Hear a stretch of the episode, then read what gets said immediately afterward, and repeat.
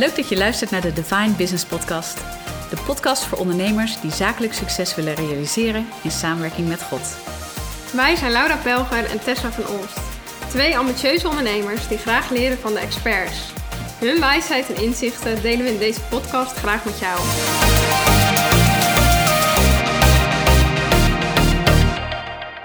Hey, maar ik wil je eerst eh, heel graag eh, introduceren, Johan. Want we zijn Ja, eh, bij jou thuis in deze hele mooie omgeving. Wat de luisteraars niet kunnen zien. Maar Mhm. nou, bij deze, een beetje in de bossen. Ja. Rustgevende omgeving. Dus ehm, ik heb natuurlijk wel al, of ik heb natuurlijk, maar ik heb wat op je website bekeken. En ja, de, de video's van je bekeken. En is een beetje een indruk van je gekregen. Dus ik wil je voor onze luisteraars ook gelijk even introduceren.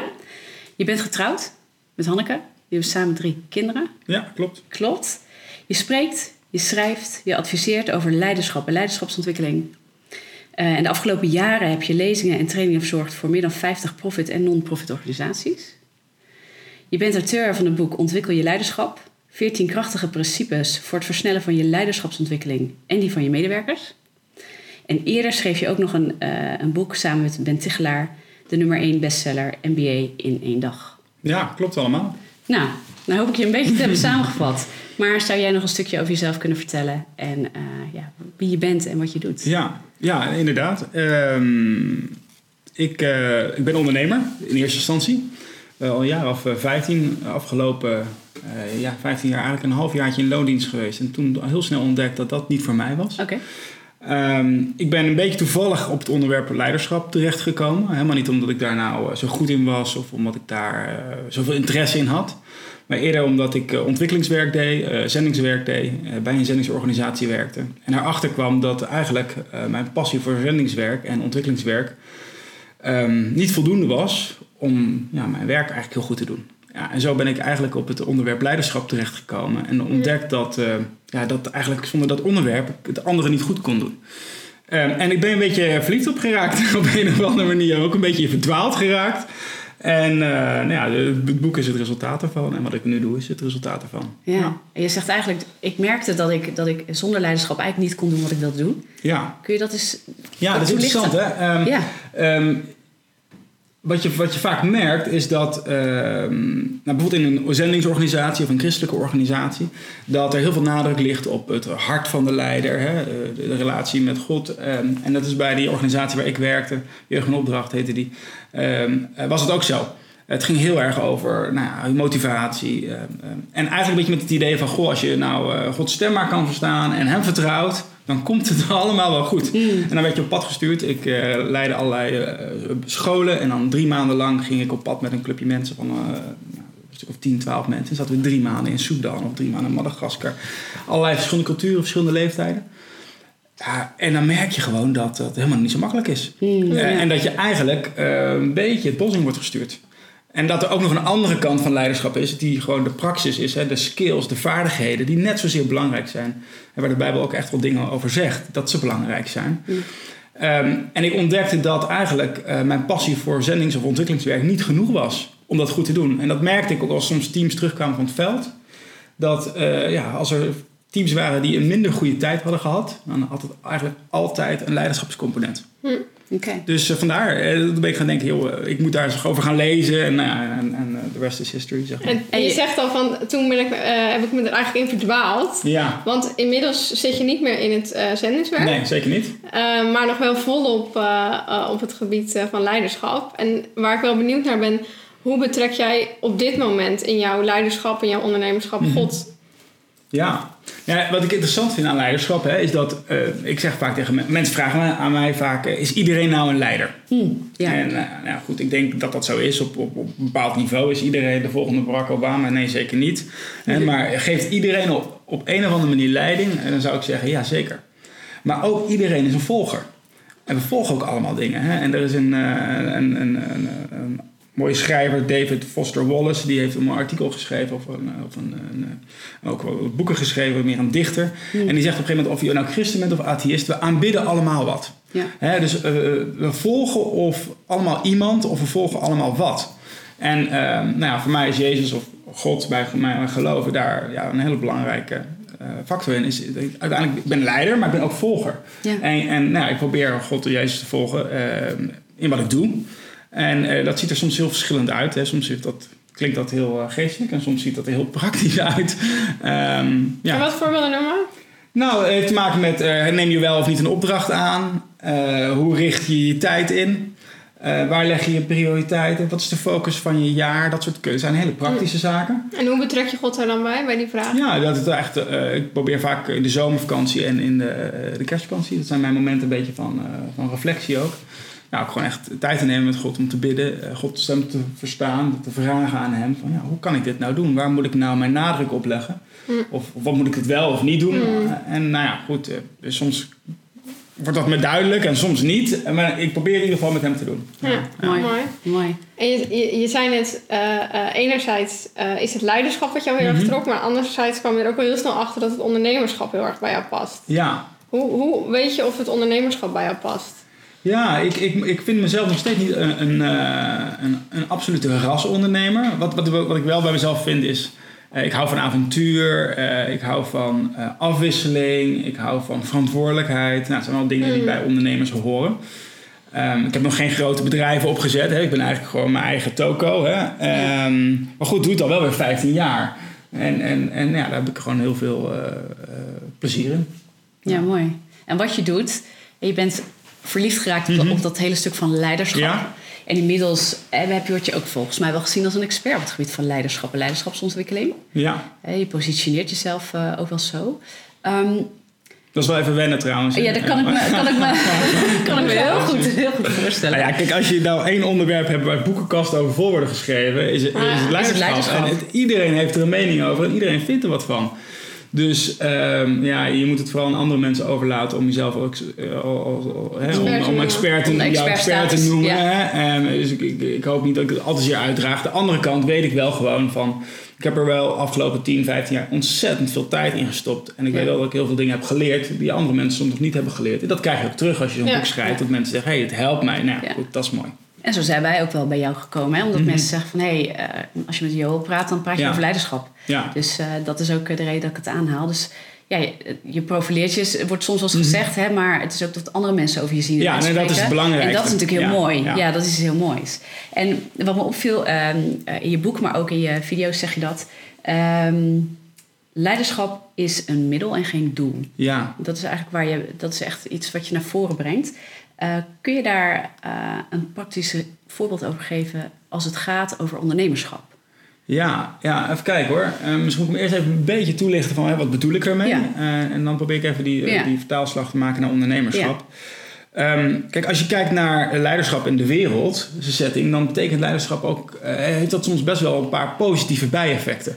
status, macht, uh, geld. Hè, als je vaak meer wil verdienen, dan moet je toch maar weer de manager worden hè, in plaats van de professional. Uh, dus het heeft best wel wat connotaties uh, ja, die, die, die lekker zijn voor het vlees, zeg maar, die, die mensen ambiëren. Um, en dus uh, op het moment dat je dat eenmaal hebt, uh, is de neiging soms ook heel erg graag dat je het wil vasthouden. En dat je het wil bewaken. Mm -hmm. Hè? En dan wordt leiderschap een beetje een doel op zich. Ja. want het is jouw, jouw kaartje tot, eh, ja, tot meer roem, succes, nou ja, uh, geld, aanzien, status. Nou, noem het maar op.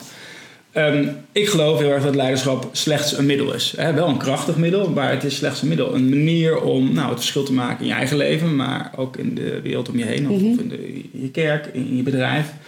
Um, dat het nooit bedoeld is als een doel op zich. Want zo gauw het een doel op zich wordt, gaat het dus allerlei perverse prikkels krijgen. En gaat het dus ook ervoor zorgen dat je bijvoorbeeld bij je gaat houden.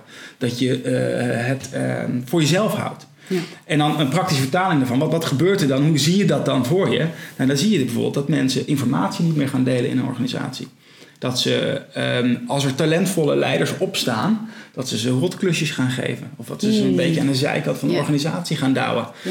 Um, eigenlijk om hun eigen leiderschap te, te, te, beschermen. Of als dat iemand een goed idee heeft, dat ze het idee jatten. In plaats van iemand er erkenning voor te geven. Ja. En dat elke keer maar iets doen om, om toch wel een eigen unieke plekje in die organisatie met al die voordeel, voordelen. Er zitten ook trouwens nadelen aan, maar met al die voordelen een beetje te behouden. Ja. En ehm, nou ja, ik denk dat dat heel erg verkeerd is. Ik denk dat je eh, eigenlijk leiderschap altijd in een open hand zou moeten vasthouden. Als er een leider komt in jouw organisatie die het beter kan dan jij, dan zou je het stokje over moeten kunnen geven. Ja. En ehm, nou ja, ik, dat, dat is de grondhouding waarmee ik naar leiderschap kijk. En als je dan bedenkt dat het een heel goed middel is, dan is het dus ook de moeite waard om het te ontwikkelen. Ja. Want als het een eindstatus, een einddoel is, dan hoef je het eigenlijk ook niet te ontwikkelen. Want op het moment dat je het dan bereikt hebt, dan is het voor elkaar. Maar als het een middel is waarmee je iets in beweging wil zetten, of je organisatie of je bedrijf wil helpen, dan, en dan loont het dus om, om te ontwikkelen. Ja. En als er nu een ondernemer eh, luistert en die heeft een team eh, die die aan moet sturen, maar Ja. tegelijkertijd hè, als ondernemer ben je ook bezig met visie, strategie, eh, je leveranciers of je Ja. klanten tevreden Ja. houden. En dan heb je ook nog een team daarnaast. Ja. Wat, wat, wat zou je zo'n Ja, dat ondernemer... is interessant. Want jij maakt, je maakt- het onderscheid tussen van... Hey, jij bent de klanten aan, het- aan, aan, aan, aan, aan het bedienen en de, de markt en dit. En je hebt ook nog een team. Ja, dat is natuurlijk maar de vraag. Is het niet zo dat juist dat team van jou dat moet doen? Ja. En bijvoorbeeld Jim Collins heeft een boek geschreven... Gebouwd voor de toekomst, eh, een jaar of Ja. eh, 10, 15 geleden. Waar hij bedrijven onderzocht die heel lang succesvol zijn geweest. Ook vaak familiebedrijven. En waaruit eh, uit het onderzoek blijkt dat eh, eigenlijk de leiders vaak heel erg bezig zijn. Eigenlijk alleen maar om dat team te laten functioneren, zodat het team, die klanten, eh, die markten kan bedienen. Hè? En ehm, nou ja, ik denk dat dat interessant is voor, voor, voor ondernemers ook. Van joh, als je nou eens even loslaat het idee dat je het allemaal zelf moet doen, maar dat eigenlijk die mensen, jouw team, eh, vooral in staat zou moeten stellen om dat bedrijf succesvol te moeten maken, dan zijn opeens die medewerkers geen onderbreking meer in je werk, maar dan zijn ze je werk geworden. Ja. En dan worden ze een heel belangrijk onderdeel om hun te helpen. En dan wordt dus de vraag ook van, hey, welke capaciteiten, of Ja. het nou leiderschapscapaciteiten zijn of niet, hè, eh, zitten er in mijn team? Eh, waar lopen ze tegenaan? Hoe kan ik ze verder helpen? Snappen ze mijn DNA? Vinden ze mijn waardes goed? Komen die over? Nou ja, allemaal van dat soort vragen. Daarmee kan je dan aan de slag.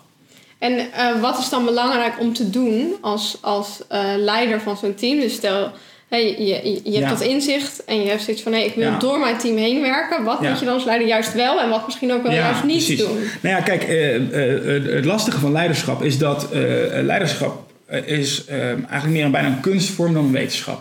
Eh, waarom? Omdat je, je zit als leider, jij bent uniek. Wanneer jij leiding geeft aan een team, doe je het anders dan dat ik het zou doen. Die teams zijn uniek. De context is uniek. Hè? Op het moment dat je in een markt gaat waar alles en iedereen aan het groeien is, heb je een hele andere dynamiek wanneer je in een markt zit waar iedereen terug moet in, in FTE's en, en van alles en nog wat. Ja. Er zijn heel veel variabelen. Eh, ik geloof wel, dus, dus het is lastig om de tip te geven voor de leider. Eh, want je kent de context niet, je kent de volgers niet, je, weet je, je kent de leider niet. Eh, er zijn wel een paar essenties, en die benoem ik ook in mijn boek. Hè. Dat zijn wat mij betreft richting, actie en groei. Eh, en richting draait om... Kijk, als ik, als ik aan, aan jou vraag, hè, ga je met me mee? Wat vraag je dan aan mij? Hoezo? Waarom? Ja, Waar, Waar waar naartoe? naartoe? Waar naartoe? Ja, precies. Ja, die zocht ik eigenlijk. Ja. Hoezo? Ja, hoezo? Ja, even een andere Waar naartoe? Ja, ja dat, kijk, dat is toch interessant. Ja? Of, of, Ja. ja. nee, die andere vragen zijn ook belangrijk. Ja. Maar de, de, eigenlijk 95% van de mensen, als je aan ze vraagt, ga je met me mee? En ze zeggen, joh, waar naartoe? En ehm, eh, leiderschap zonder volgers bestaat niet. Hè? Ja, het Nee. bestaat wel, maar het is geen leiderschap meer. Dus het draait erom dat je mensen meekrijgt. Dus richting geven is een heel belangrijk aspect. Dat betekent van waar gaan we eigenlijk naartoe met deze organisatie? Waar gaan we naartoe met deze team? Welke doelen hebben we? Ja, vervolgens heb je actie. Actie zit heel erg op ja, hoe ga je nou dingen voor elkaar krijgen? En dat klinkt vaak super makkelijk, maar het is heel erg moeilijk. Hè? Want we zeggen wel afspraak is afspraak. Maar afspraak is helemaal geen afspraak. Hè? Eh, ik maak op mijn werk ook afspraak met collega's. En soms houden ze zich er niet aan. Ik maak hier thuis, maak ik, aan deze tafel maak ik afspraken met mijn vrouw. En ja, soms houdt een van de twee zich er niet aan, zeg maar. Meestal, meestal ik. Heel veilig. eh. En, en sterker nog, sterker nog, ik maak afspraken met mezelf. Hè, van ik ga iets minder chocola eten, ik ga ietsje vaker sporten. En, en daar hou ik mezelf al niet eens aan. het is, ja. En als je beseft dat uiteindelijk een organisatie bestaat uit afdelingen. Die afdelingen bestaan uit teams. En die teams bestaan uit mensen zoals jij en ik. Die het moeilijk vinden om Ja. zich aan hun eigen afspraken te houden. Eh, laat ook zien dat het helemaal niet zo makkelijk is om dingen voor elkaar te krijgen. Dus dat is vind ik een hele interessante vraag. Hoe krijg je nou die dingen die je dan belangrijk vindt, hè, die je uit hebt gezet in die richting voor elkaar? Hè, dus dat is eigenlijk de, de, de actie. Eh, en uh, tenslotte is uh, de groei. Hè? Uh, het is niet het idee dat je alleen maar van A naar B gaat. Dat is best leuk. Maar de wereld verandert continu. Organisaties in beweging, is in beweging. Je weet dat op het moment dat je straks bij B komt, dat er weer een C is, of een D is, Ja. of een E is. Dus de kunst is dat op het moment dat je straks je volgende plek of je doel hebt bereikt, dat je niet alleen een doel hebt bereikt, maar dat je mensen ook zijn gegroeid. Dat ze zijn ontwikkeld. En dat ze de volgende keer een groter, hoger, verder mooier doel aan kunnen met elkaar. Nou, dat zijn drie dingen waarvan ik zou zeggen, joh, als, als, als, als, ondernemer, eh, ik snap dat leiderschap vaak niet je allergrootste passie is. Hè? Kijk, de meeste ondernemers, wel interessant hè. De meeste ondernemers, kijk, er zijn drie rollen uh, als ondernemer. Um, en uh, de, dus de, de vakman, hè? dus degene die ergens heel goed in was en die uiteindelijk dan zo goed was dat iedereen zei van joh, wil je dat ook niet voor mij maken, hè? die taartjes, wil je die taartjes niet voor mij bakken en, hè? en, en opeens ben je, ja. heb je een taartenfabriek zeg maar. Uh, of je hebt de ondernemer, echt de, de kansenzoeker, de kansenziener. Ja. Hè, die, en die, die maakt niet uit of die paperclips verkoopt of matrassen. Die ziet een kans en die gaat ervoor. Ja. En je hebt uiteindelijk de soort van de manager-leiderrol. Ja. En die drie rollen heb je eigenlijk altijd nodig. Maar als jij naar ondernemers kijkt, dan komen ze eigenlijk altijd op die trein van ondernemerschap dankzij de vakmanschapsroute of de ondernemerschapsroute. Niemand begint een eigen bedrijf, of tenminste bijna niemand begint een eigen bedrijf, omdat hij het managen zo leuk vindt. Ja. Dus managen is toch vaak een soort van ondergeschoven kindje. En daarom zou ik zeggen, joh, houd simpel. En ondernemers houden van simpel. Denk gewoon aan, aan, bij jezelf. Stel jezelf de vraag, joh, hoe kan ik richting geven aan mijn team? Hoe kan ik ze verder helpen met dat wat ze moeten bereiken? En hoe kan ik ze helpen groeien? Als je die drie vragen stelt Hm. uh, aan jezelf uh, en die misschien ook wel aan je team stelt. Ja. Hè? Want het hoef je helemaal niet, al die antwoorden hoef je helemaal niet zelf te, te bedenken. Ja. En dan, dan ga Ja. je volgens mij echt al heel snel stappen zetten. Ja. En hoe vaak zou je die vraag moeten stellen? Uh, dat is interessant. Uh, um, uh, veel vaker dan dat je doet. Dat, dat, dat, dat, dat is het kort. Je doet het nooit vaak genoeg. Hè? Um, ja, dat, hè, stel je jezelf thuis wel eens de vraag: hè, ben ik nou eigenlijk een goede man voor jou? Of wat vinden jullie van papa? Ben ik een goede Weet je wel, het zijn hele simpele vragen, en, en, maar we stellen ze eigenlijk bijna, uh, bijna nooit. We gaan heel erg vaak uit van allerlei dingen die wij waarnemen en waar onze eigen conclusies aan verbinden. Ja. Um, en ik denk nou juist, leiderschap is, uh, als het, als het een, een dienend ding is, als het een middel is, um, dan is het dus ook heel nuttig om degene die slachtoffer zijn van jouw leiderschap, zeg maar, of, of Die of die jij wil dienen, Ja. dat je die bij betrekt. Ja. Ja, kijk, als je als, als ondernemer denkt aan de klanten die jij wil helpen, ja, dan ga je ook aan ze vragen, joh, waar heb je behoefte aan? En, en dat wil niet zeggen dat je altijd alle één op één over moet nemen, want soms weten klanten ook nog niet waar ze misschien straks behoefte in willen hebben. Maar het gesprek moet je aangaan. Ja. En veel vaker dan dat je doet. Ja. Wat je eigenlijk zegt is leiderschap kun je leren. En Ja. dat haal je ook al uit je boek. Dat is ook weer wetenschappelijk aangetoond. Mhm. Ehm, wat is onze rol als ondernemer daarin? Is dat puur deze vraag stellen? Of zeg je van nou, daar zit nog wel wat meer aan vast? Als je puur specifiek kijkt naar, ehm, naar ondernemerschap daarin. Ja, en, en dan bedoel je, ehm, kan je je vraag iets verduidelijken? Ehm, je kunt leiderschap zijn. Je kunt als vader kun je leiding nemen Ja. over je gezin. Ehm, je kunt in een kerk als voorganger leiding nemen over, over nou ja, wat daar te doen staat.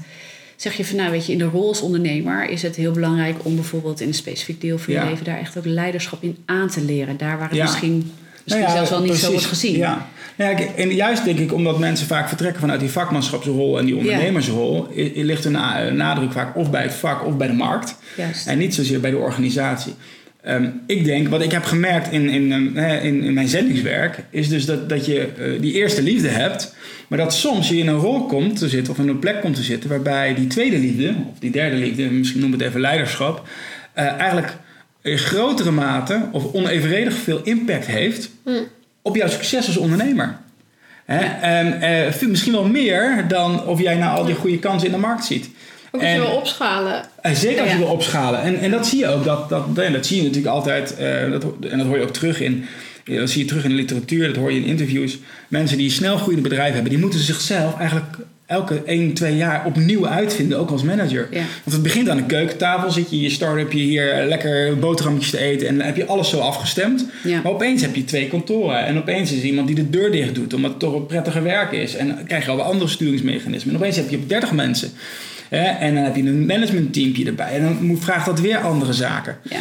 En dus ik denk, hè, je hebt ook een mooi, eh, dit Griner model, dat is een soort van ontwikkelingsmodel voor, voor ondernemers. Hè, en dan zie je al verschillende fases. En, en in elk van die fasen moet je als ondernemer eh, je weer anders gaan gedragen. En dat heeft vaak met allerlei managementachtige of leiderschapachtige ontwikkelingen bezig. Dus Ja. ja, ja weet je, ik, eh, misschien is het niet je grootste hobby, misschien is het niet je grootste doel in je leven. Maar eh, als je niet je leiderschap ontwikkelt, ook als ondernemer, ja, eh, beperk je gewoon jezelf en je eigen organisatie. Ja. En over wat voor fases heb jij het dan met dat, in dat model?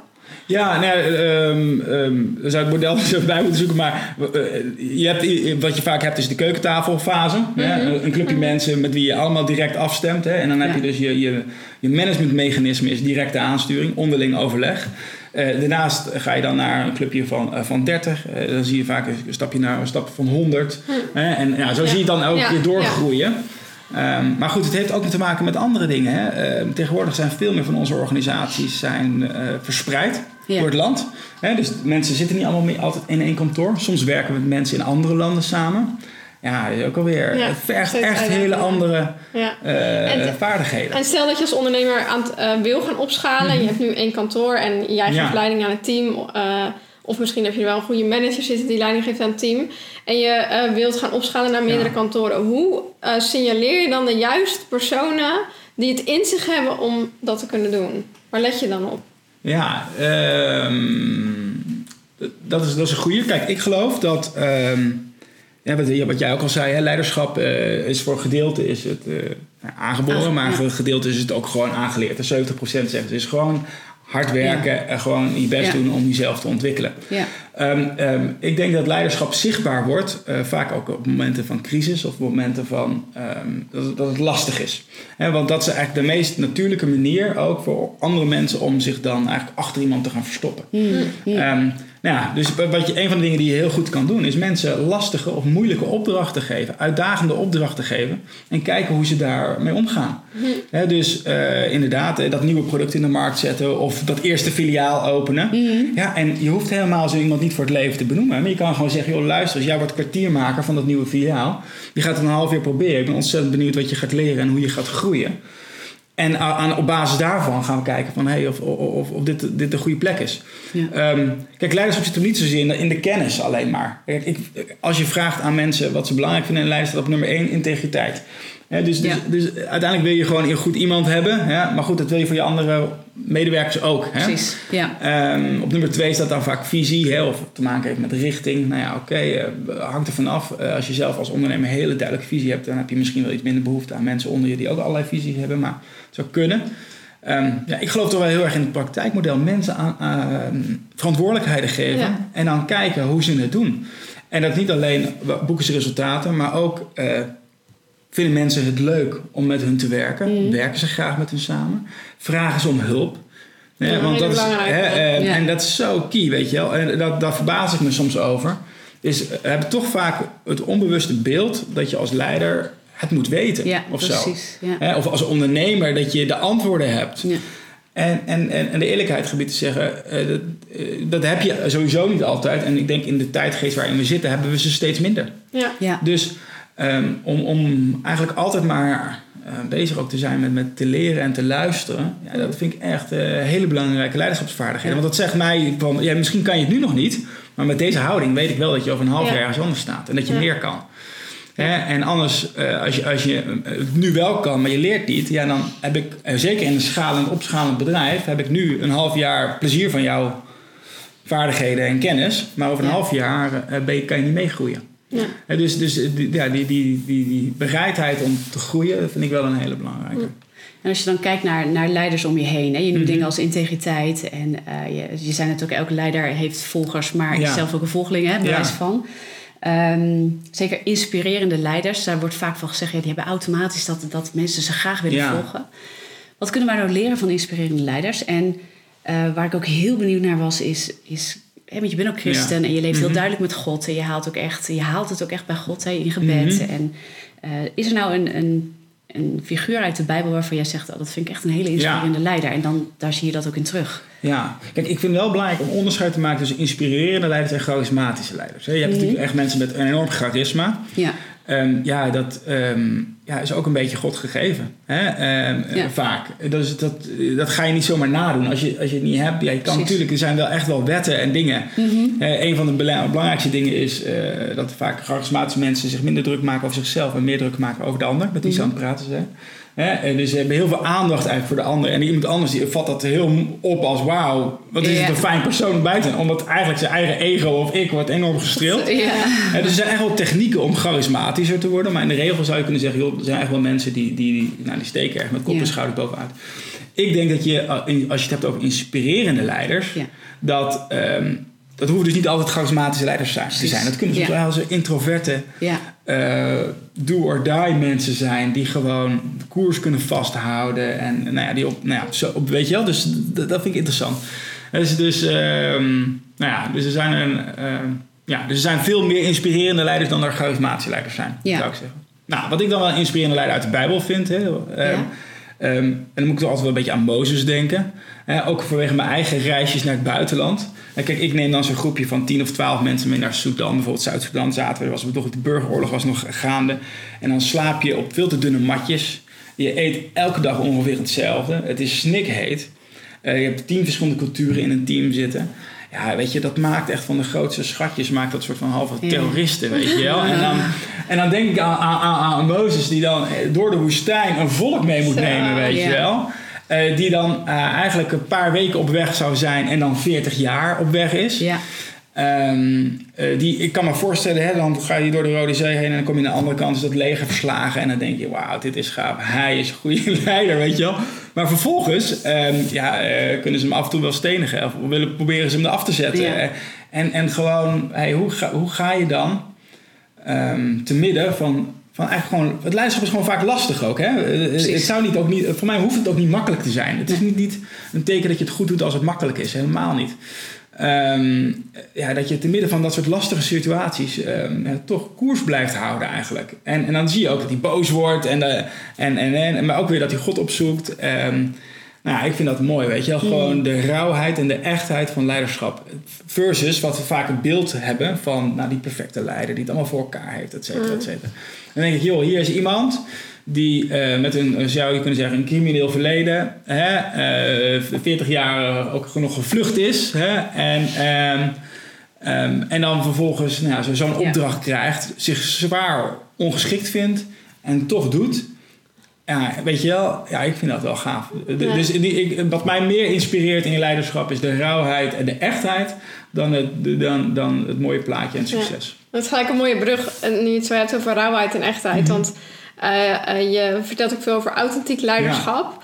En ehm, eh, wat ik heel mooi vind, is dat je het niet alleen daarbij laat, maar dat je ook zegt van. Hé, hey, eh, je moet wel in de gaten houden dat je niet eh, een eikel wordt daarin. Ja. Dat je niet denkt van, ja, eh, dit, zo ben ik nou eenmaal. Ik Ja. ben authentiek. Kan je daar Ja. wat meer over delen? Ja, kijk, eh, dat is natuurlijk een beetje eh, de, ook de, de feedback of de, de, de kritiek soms op authenticiteit. Hè? Dat, Mhm. eh, kijk, eh, we vinden het allemaal fijn om authentiek te zijn en we, we gaan ook het liefst om met mensen die authentiek zijn. Hè? Nou, uit onderzoek blijkt dat authentieke leiders gewoon beter presteren op allerlei vlakken. Ehm, maar op een gegeven moment kan het ook een soort van ehm, ja, een soort eh, heilig huisje worden, of een soort van verstopplek eh, waarmee je eigenlijk alle andere mensen ehm, nou ja, zeggen, joh, zoek het lekker uit. Ik, ik ben wie ik ben, ik Ja. doe wat ik doe. Hè, en eh, als jij het niet prettig vindt, ja, ja, ik ben lekker authentiek. En daar gaat een beetje mijn, mijn gouden eikelregel over, zeg maar, in het boek. Eh, is van, joh, luister eens, op het moment dat jouw authenticiteit, eh, de authenticiteit van iemand anders in de weg gaat zitten, ja, eh, dat moet je eigenlijk niet willen. Juist. En, dat- en dat, dat is ook niet, niet nodig. Hè? Want als je echt met authenticiteit bezig bent, dan werk je ook best wel dat het soms helemaal niet zo makkelijk is. Hè? Het heeft te maken met jezelf kennen, maar ook dan vervolgens jezelf te zijn. Hè? En dan wordt het toch wel spannend, hè? want als er opeens een cameraatje aanstaat of er staat een microfoon aan, ga je misschien toch anders voordoen. Of mensen kijken naar je, of er zijn allerlei verwachtingen. Dan word je heel gauw gedrukt op misschien nou ja, hoe jij denkt dat je zou moeten presteren. Ehm, en, ehm, dus dat is helemaal niet makkelijk. Nou ja, dat geldt natuurlijk ook voor mensen in jouw team. En ik denk, eh, waar je op voor moet passen, is dat je dus niet de eikel bent die zegt: Ja, luister, ik ben lekker authentiek. En, en dus ehm, zit jij te Ja. balen van jouw werkdag omdat jij jezelf niet kon zijn, of Ja. jij niet authentiek kon zijn, omdat ik dat eigenlijk daar geen ruimte voor creëerde. Juist. Mm. ja. En ik geloof wel dat die twee dingen samen kunnen komen. Dat, dat er echt wel een manier is waarop jij authentiek kan zijn. eh, en waardoor je ook ruimte laat voor anderen om ook authentiek, authentiek te zijn. Ja. Waarbij nog wel eens de conclusie zou kunnen zijn dat van, joh, als wij allebei echt precies doen waar we goed in zijn en wat natuurlijk bij ons past, dat die samenwerking niet matcht. Ja. dat, Ja. dat je elkaar niet aanvult. Dat zou prima. eh, maar goed, eh, dan moet je daar het gesprek over voeren. En Ja. wat doet een authentiek leider wel? Dus hoe herken je eh, een authentiek leider? Ja, ehm, ehm, ik, ik, eh, een aantal dingen denk ik. Hè. Het heeft deels te maken met waarden. Hè. Dus wat vind je belangrijk in het leven? En lukt het je om die op al die verschillende momenten elke keer weer terug te laten komen? Ja. Dus het is heel mooi om ehm, mensen die aardig zijn met respect te behandelen. Maar wat als nou iemand heel boos op je is? Lukt het je dan ook nog om met iemand met respect te behandelen? Ja. Of het is heel mooi om uh, um, nou ja, uh, vrijgevig te zijn. Maar wat als de business wat minder gaat? Lukt het je dan ook nog? He, dus, dus dat je Mm. eigenlijk in verschillende contexten en situaties die waarde weet vast te houden. Maar ook dat je durft te blijven inzetten op je passies. Dat je dat niet zomaar laat roven, weet je wel. Van, Ja. nou, um, of dat je nou ja, je, je motivatie um, behoudt. Uh, dat, ja, heeft dat je nou, je sterke punten blijft inzetten. Het is allemaal voor mij, het is best wel een beetje een breed eh, begrip. Maar voor mij gaat het heel erg over van, joh, weet je wie je bent? En durf je jezelf elke keer weer uh, mee te brengen aan tafel. Hè? En elke keer jezelf te laten zien. En ook Ja. die kwetsbaarheid, want dat is best wel kwetsbaar soms, uh, ja, te tonen, zeg maar. Ja. ja. Mooi. Um, uh, als je het hebt over jouw business, hè? Mhm. ik, uh, ik heb je al eerder gesproken en je hebt veel uh, dromen nog Mhm. en, en dingen waar je naartoe wil groeien. Hoe betrek jij God in die businessontwikkelingen? Ja. ja, ik zit dus nu, hè, eh, ik doe uh, boek schrijven, lezingen daarover geven en ik doe heel veel advieswerk. Maar dat zijn eigenlijk twee, twee gescheiden werelden nog. Ja. En ik zou eigenlijk veel meer ook willen gaan ondernemen in de wat meer de traditionele zin. Hè, het, het bouwen van een organisatie, het, het bedenken van een product of een dienst wat in de markt zet. Is natuurlijk heel iets anders dan wat ik nu doe.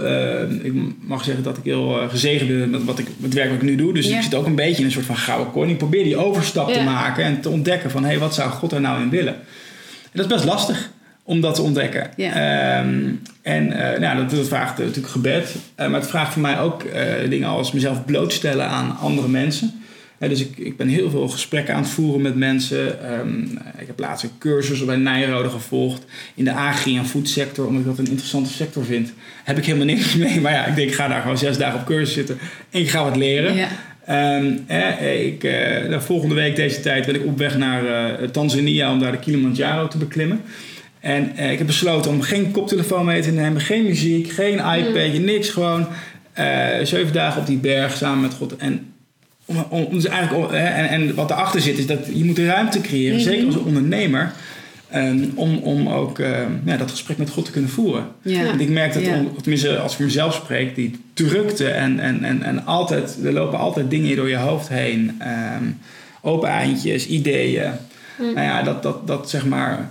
Ik kan niet afdwingen dat God tot mij spreekt en het duidelijk maakt. Hè, maar wat ik wel kan doen, is een soort van de randvoorwaarden creëren, waardoor het wel wat makkelijker wordt. Voor mij, niet, is voor hem, niet voor hem om te spreken, maar voor mij om het in ieder geval te verstaan. Ja, mooi. En, Ja. en, ehm, nou, ik, en ik, dat neem ik heel serieus. En, en dan kan het zijn over een jaar dat ik zeg: Wauw, ik heb het helemaal gekregen. Het is geweldig Ja. en ik ga het doen en het wordt een succes. Het kan ook zomaar zijn dat ik denk: Nou, ik weet het nog steeds niet. Hoe ga je daarmee om op momenten dat je eigenlijk uh, van God richting verwacht en er misschien ook wel de uh, omstandigheden voor creëert en het komt niet? Ja, vind ik gewoon frustrerend. Ja, dus, dus um, ik, heb, ik, heb wel ba ik heb wel baaldagen, zeg maar. En, um, uh, ja, en, en, dan uiteindelijk um, ja, pak je toch weer een beetje op. Ja, dus er zijn wel momenten, soms heb ik het gevoel van hé, hey, er gebeurt heel veel. Ja. En dan word ik heel enthousiast, want als ondernemer eh, droom je en, en heb je vooruitgang en progressie en resultaten. Hè, daar word je natuurlijk warm van. Ja. En als je dan allemaal gevoel hebt dat het allemaal achterblijft, dan denk je soms, ja shit, wat ben ik hier nou aan het doen? En, uh, en uh, ja, en, en, en dan is het toch ook maar weer gewoon doorzetten. doorzetten. Gewoon je opkomen dagen en je werk doen. Mm, en, toch maar weer naar die afspraak Ja. gaan. En toch mooi. maar weer dat Ja. gesprek voeren. En toch maar weer met God zitten. En um, nou ja, dan... dan nou ja. Ja, dus je zegt, weet je, ondanks dat ik die baaldagen heb, ik blijf wel bezig. Ik laat me niet zo ver demotiveren dat, ik, dat ik alles dan uh, Ja. aan de kant gooi, maar ik blijf wel bezig. Ja, ik, dat is ook een beetje de basis van mijn boek. Is dat, ehm, dat je jezelf eh, je verantwoordelijkheid moet nemen. Kijk, als, als, je, als ik iets mag verwachten van een leider... is dat hij zijn eigen verantwoordelijkheid neemt. Toch? Ja. Hè? En eh, ook op dit soort dingen. Ehm, dus eh, ja, je, je, doe je wat je kan doen. Hè? En dan kan er resultaten uitblijven, wat dan ook. Ehm, hè, of het nou businessresultaten zijn, of het nou woorden van de Heer zijn, over welke kant je op moet. Ja. Ehm, maar heb je je verantwoordelijkheid genomen? En, en nou, ik, probeer dan ook eer te halen uit, uit dat feit. Op het Ja. moment dat de resultaten even achterblijven. Ja. Van, joh, luister, ik heb het toch maar weer gedaan. Ja, en wat zou jij dan... Je bent nu inderdaad in, die, Mhm. in, die, in die fase, zeg maar, dat je zegt... Nou, weet je, ik wil nieuwe dingen gaan Ja. proberen wellicht... en ik zoek de richting van God. Wat zou jij nu in deze fase misschien wellicht... ook van andere ondernemers willen leren nog? Waar zeg je van nou, daar zit wel een uitdaging voor mij. Daar zou ik heel van hebben als ik daarin kan leren. Of als iemand me dat nog eens zou Ja. kunnen vertellen. Ja, je, hebt, je kan twee kanten denken. Eén is eh, eh, ehm, eh, gewoon wat meer de praktische ondernemerschapskant. Hè? Maar daar, daar loop je toch heel vaak tegenaan op het moment dat je aan de slag gaat. Ja. Een vraag waar ik de laatste tijd wel, die me wel boeit is... wat betekent het nou ook om als christen ondernemer te zijn? En, ehm, en dan even voorbij het niveau van wat doe je met je geld en, en geef je je geld. Hè? Wat, Ja. wat wel degelijk een heel belangrijk niveau is. En ook voorbij het niveau van, goh, ik, eh, ik bid voor mijn medewerkers of ik heb een, weet ik wel, een gebedskring op mijn werk of weet ik wel, hè, dat niveau. Maar dat je echt nadenkt over ehm, hoe zou nou een organisatie werken hè, als, als maar zou ontwerpen. Hè, en, eh, dat is een ander niveau. Mm. Eh, dat is, gaat verder dan wat doe je met je geld en, Mm. wat, en ben je gewoon christen op je werk.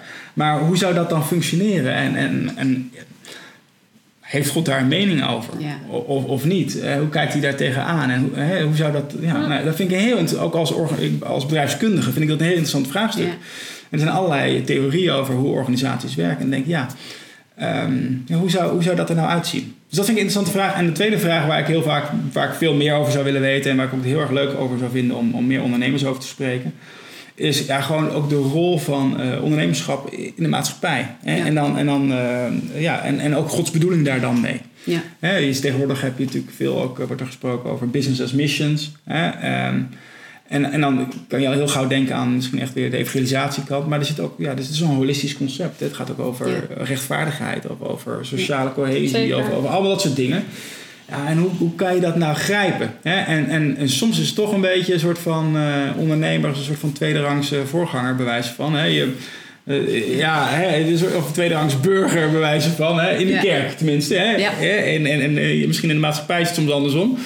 Ehm, en, en dat is niet zo volgens mij. Volgens Nee, mij zijn we gewoon niet. allemaal hebben we onze eigen rol en our part to play. Het is een heel mooi Ja. prachtige positie eigenlijk die je hebt. Want je hebt juist, je bent in de kerk, maar juist daarbuiten. In de maatschappij kun je een enorme impact hebben. Ja. met wat je aan het doen bent.